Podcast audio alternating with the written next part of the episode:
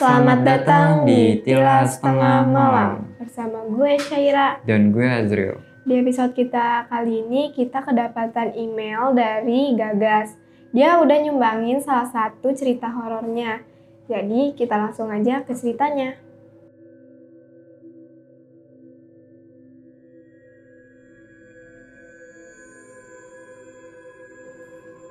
Awalnya gue nggak nyangka nih kak, gue yang notaben orang biasa yang nggak peka sama sekali sama hal-hal mistis.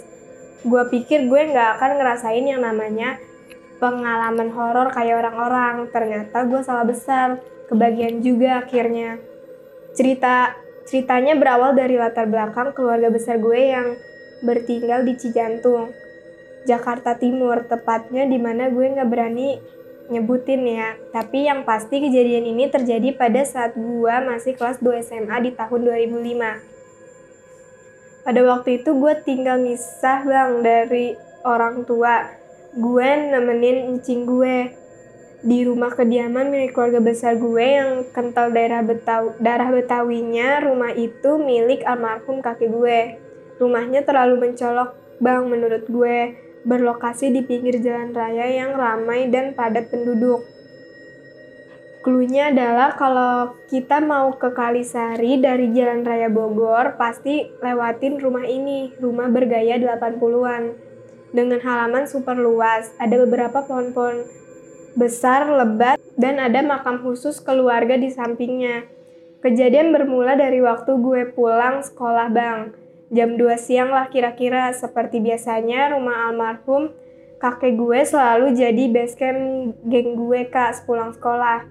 Sebelum balik ke rumah masing-masing, biasanya geng gue pada nongkrong sampai sore di teras depan. Di bangku balai khas Betawi, gak jauh dari pohon sawo gede di samping rumah. Bias biasanya rame, tapi saat itu gue cuma bertiga sama temen gue, sebut aja namanya Mali dan Celer. Di tengah asik ngobrol ketawa-ketawa, tahu-tahu ada kucing kampung bang lewat di samping kita bertiga. Kucing seukuran dewasa. Yang kita sama-sama ngeliat dengan jelas, badan si kucing itu penuh luka. Awalnya gue pikir itu luka cakar bekas berantem sama kucing ya. Tapi setelah dilihat lebih dekat, area lukanya lebar banget kak. Nyaris 3 per 4 badan kucing itu robek. Tersayat, organ dalamnya sedikit kelihatan dengan darah segar dan beberapa darah kering juga. Kucing itu ngeliatin kita bertiga, sambil jalan sempoyongan kayak mau tumbang. Sampai akhirnya dia senderan di lantai sambil berusaha ngejilat-jilat luka di badannya. Kita bertiga agak kikuk liatnya, panik mau nolong, tapi bingung mau nolong pakai apa. Dan kasih pertolongan dengan cara bagaimana. Paniknya, paniklah intinya. Baru aja gue mau beranjak masuk rumah, mau ngambil kotak P3K, gue coba berdiri, belum sampai gue tegak berdiri, gue dikagetkan dengan suara yang datang dari arah kucing yang lagi tepar tepat di depan kita bertiga. Benar-benar tepat di depan kita, Kak. Paling jarak cuma 50 cm lah saking dekatnya. Itu kucing ngerintih sakit, sakit, sakit. Suaranya kayak suara laki-laki umur 20-30an gitu.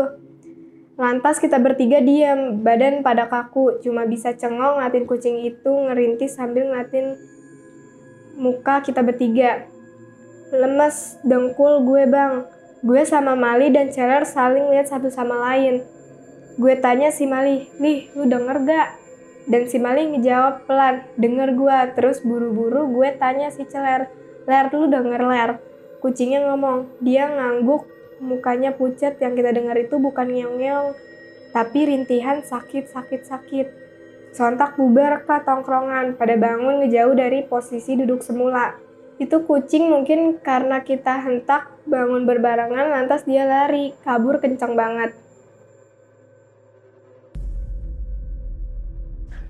Masih pucet, gue penasaran banget gue udah-udah sampai gue kejar ke halaman samping tepat di bawah pohon sawo besar di samping rumah.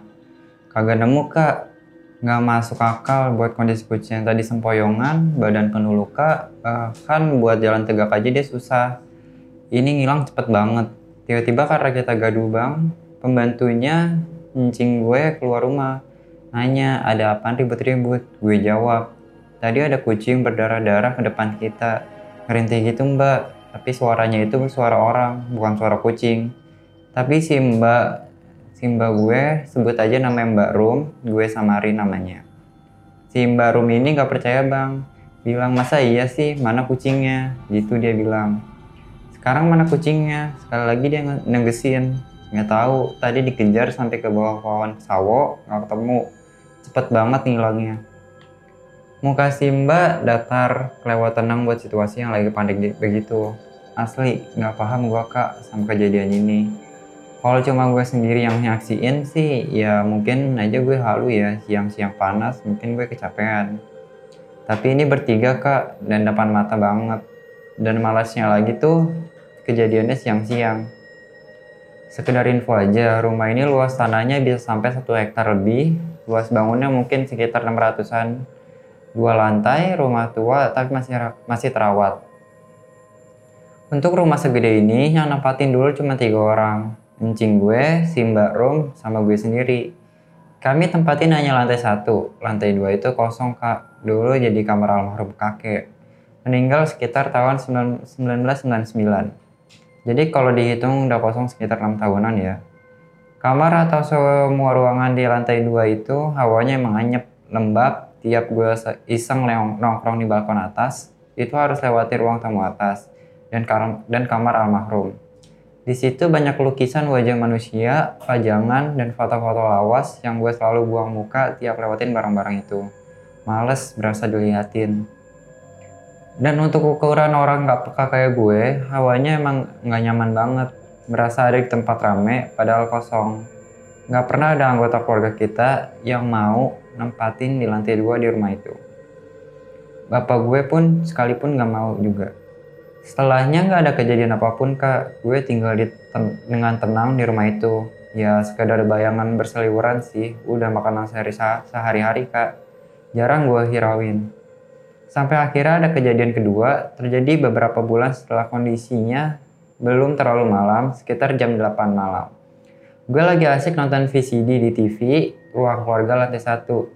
Samar-samar dari jauh, gue denger ada suara ketawa cekikan perempuan dari arah tangga.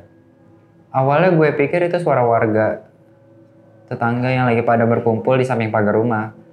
Tapi beberapa menit kemudian, gue denger lagi suara cekik- cekikikan yang kedua. Di rumah itu saat itu lengkap bang, cuma si Encing dan Mbak Rum eh, masing-masing di kamarnya. Udah kunci pintu, tidur. Padahal masih sore. Merinding sejadi-jadinya. Dan di situ gue inget, ada teori kalau deket berarti jauh. Kalau tapi kalau ada suara jauh berarti posisinya dekat. Buru-buru matiin TV dan VCD, gue ngibrit ke dalam kamar. Di kasur gue tiduran sambil tutup muka dan gue tutup mukanya pakai bantal sama selimutin seluruh badan gue pakai kain sarung. Tidur sampai pagi. Besokannya gue cerita sama orang rumah dan lagi-lagi muka mereka datar aja. Oke, kaki keki asli. Tapi apa boleh apa boleh buat lah. Tiap hari di rumah gue selalu buang muka atau nggak mau ngeliat ke arah tangga dan lorong gelap di sampingnya. Gue tahan-tahanin tinggal di rumah itu sampai anjing gue menikah dan ngajak suaminya tinggal di rumah tua dan gede banget itu baru gue pindah dan balik ke rumah orang tua gue. Sekarang di tahun 2022 ini rumah itu belum banyak perubahan, 90% masih persis dan masih ting- ditinggalin cing gue sama keluarganya. Kamar atas entah gimana ceritanya, sekarang dijadikan kamar pembantu dan mayoritas asal pembantu-pembantu yang silih berganti kerja di, tempat itu dari Banten. Dalam hati gue, pantas berani warga Banten. Sekian cerita dari gue, semoga kita semua dijauh- dijauhkan dari godaan jin dan sekutunya. Dan semoga tilas tengah malam terus mengudara.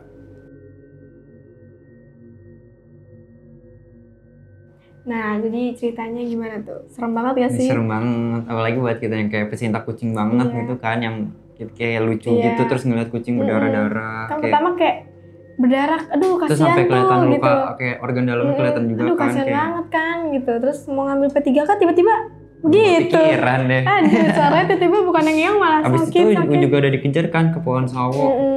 Nggak ada kan? hilang nih tiba-tiba. Ih, Serem sih. Itu maksudnya gue nggak ngebayangin deh kucing tiba-tiba ngomong sakit-sakit tuh.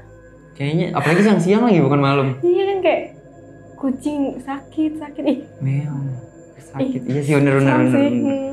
terus juga tadi yang suara mitos apa suara kuntilanak Oh, iya, itu yang jauh deket itu lu kalau kata lu itu bener apa gimana sih Em, kalau kata gue sih itu eh, nggak tahu sih kalau gue ya tapi Hmm. gue salah satu yang pernah pernah ngalamin tentang kayak kuntilanak gitu tapi bukan kecikikan tapi kayak suara anak ayam kan Hmm. biasanya juga ada anak suara Iya. mitos kan yang kayak Iya. anak ayam anak kucing kalau malam gitu nah itu gue Hmm. pernah ngerasain di kamar gue sekitar jam 3 malam jauh gitu suara enggak dia jalan gitu di atas pertama dari atas kamar gue terus dia jalan jalan banget. ada enggak nggak ada tapak kaki tapi jalan jalan dari kamar gue ke depan terus kayak hilang. suaranya jalan gitu kayak Enggak, enggak ada suara jalan tapi ada suara anak ayam. Hmm, Ada suara anak ayam oh, tapi nah, jalan ke depan. kayak jalan gitu ke depan Iya terus pas azan subuh dia hilang. Itu gue belum pernah ngerasain, eh belum pernah ceritain ke orang-orang juga sih. Paling ke, tem- ke keluarga doang. Hmm. serem sih kalau gue sih alhamdulillah nggak pernah denger denger kayak gitu Ya, menurut gue sih itu hmm. nggak tahu sih. Soalnya gue nggak nggak ngeliat juga kan dengar suara doang. Hmm, serem sih itu Dan apalagi yang yang diceritain ini tuh dia rumahnya cuma isinya tiga orang. iya itu kan kayak aduh Sepi, banget, dan rumahnya udah tua juga kan. Makasih un- untuk Gagas yang udah nyumbangin salah satu pengalaman horornya. Dan sampai sini aja untuk episode kita hari ini. Sampai jumpa di episode kita berikutnya. Tilas setengah malam Mereka tak terlihat tapi ada di sini.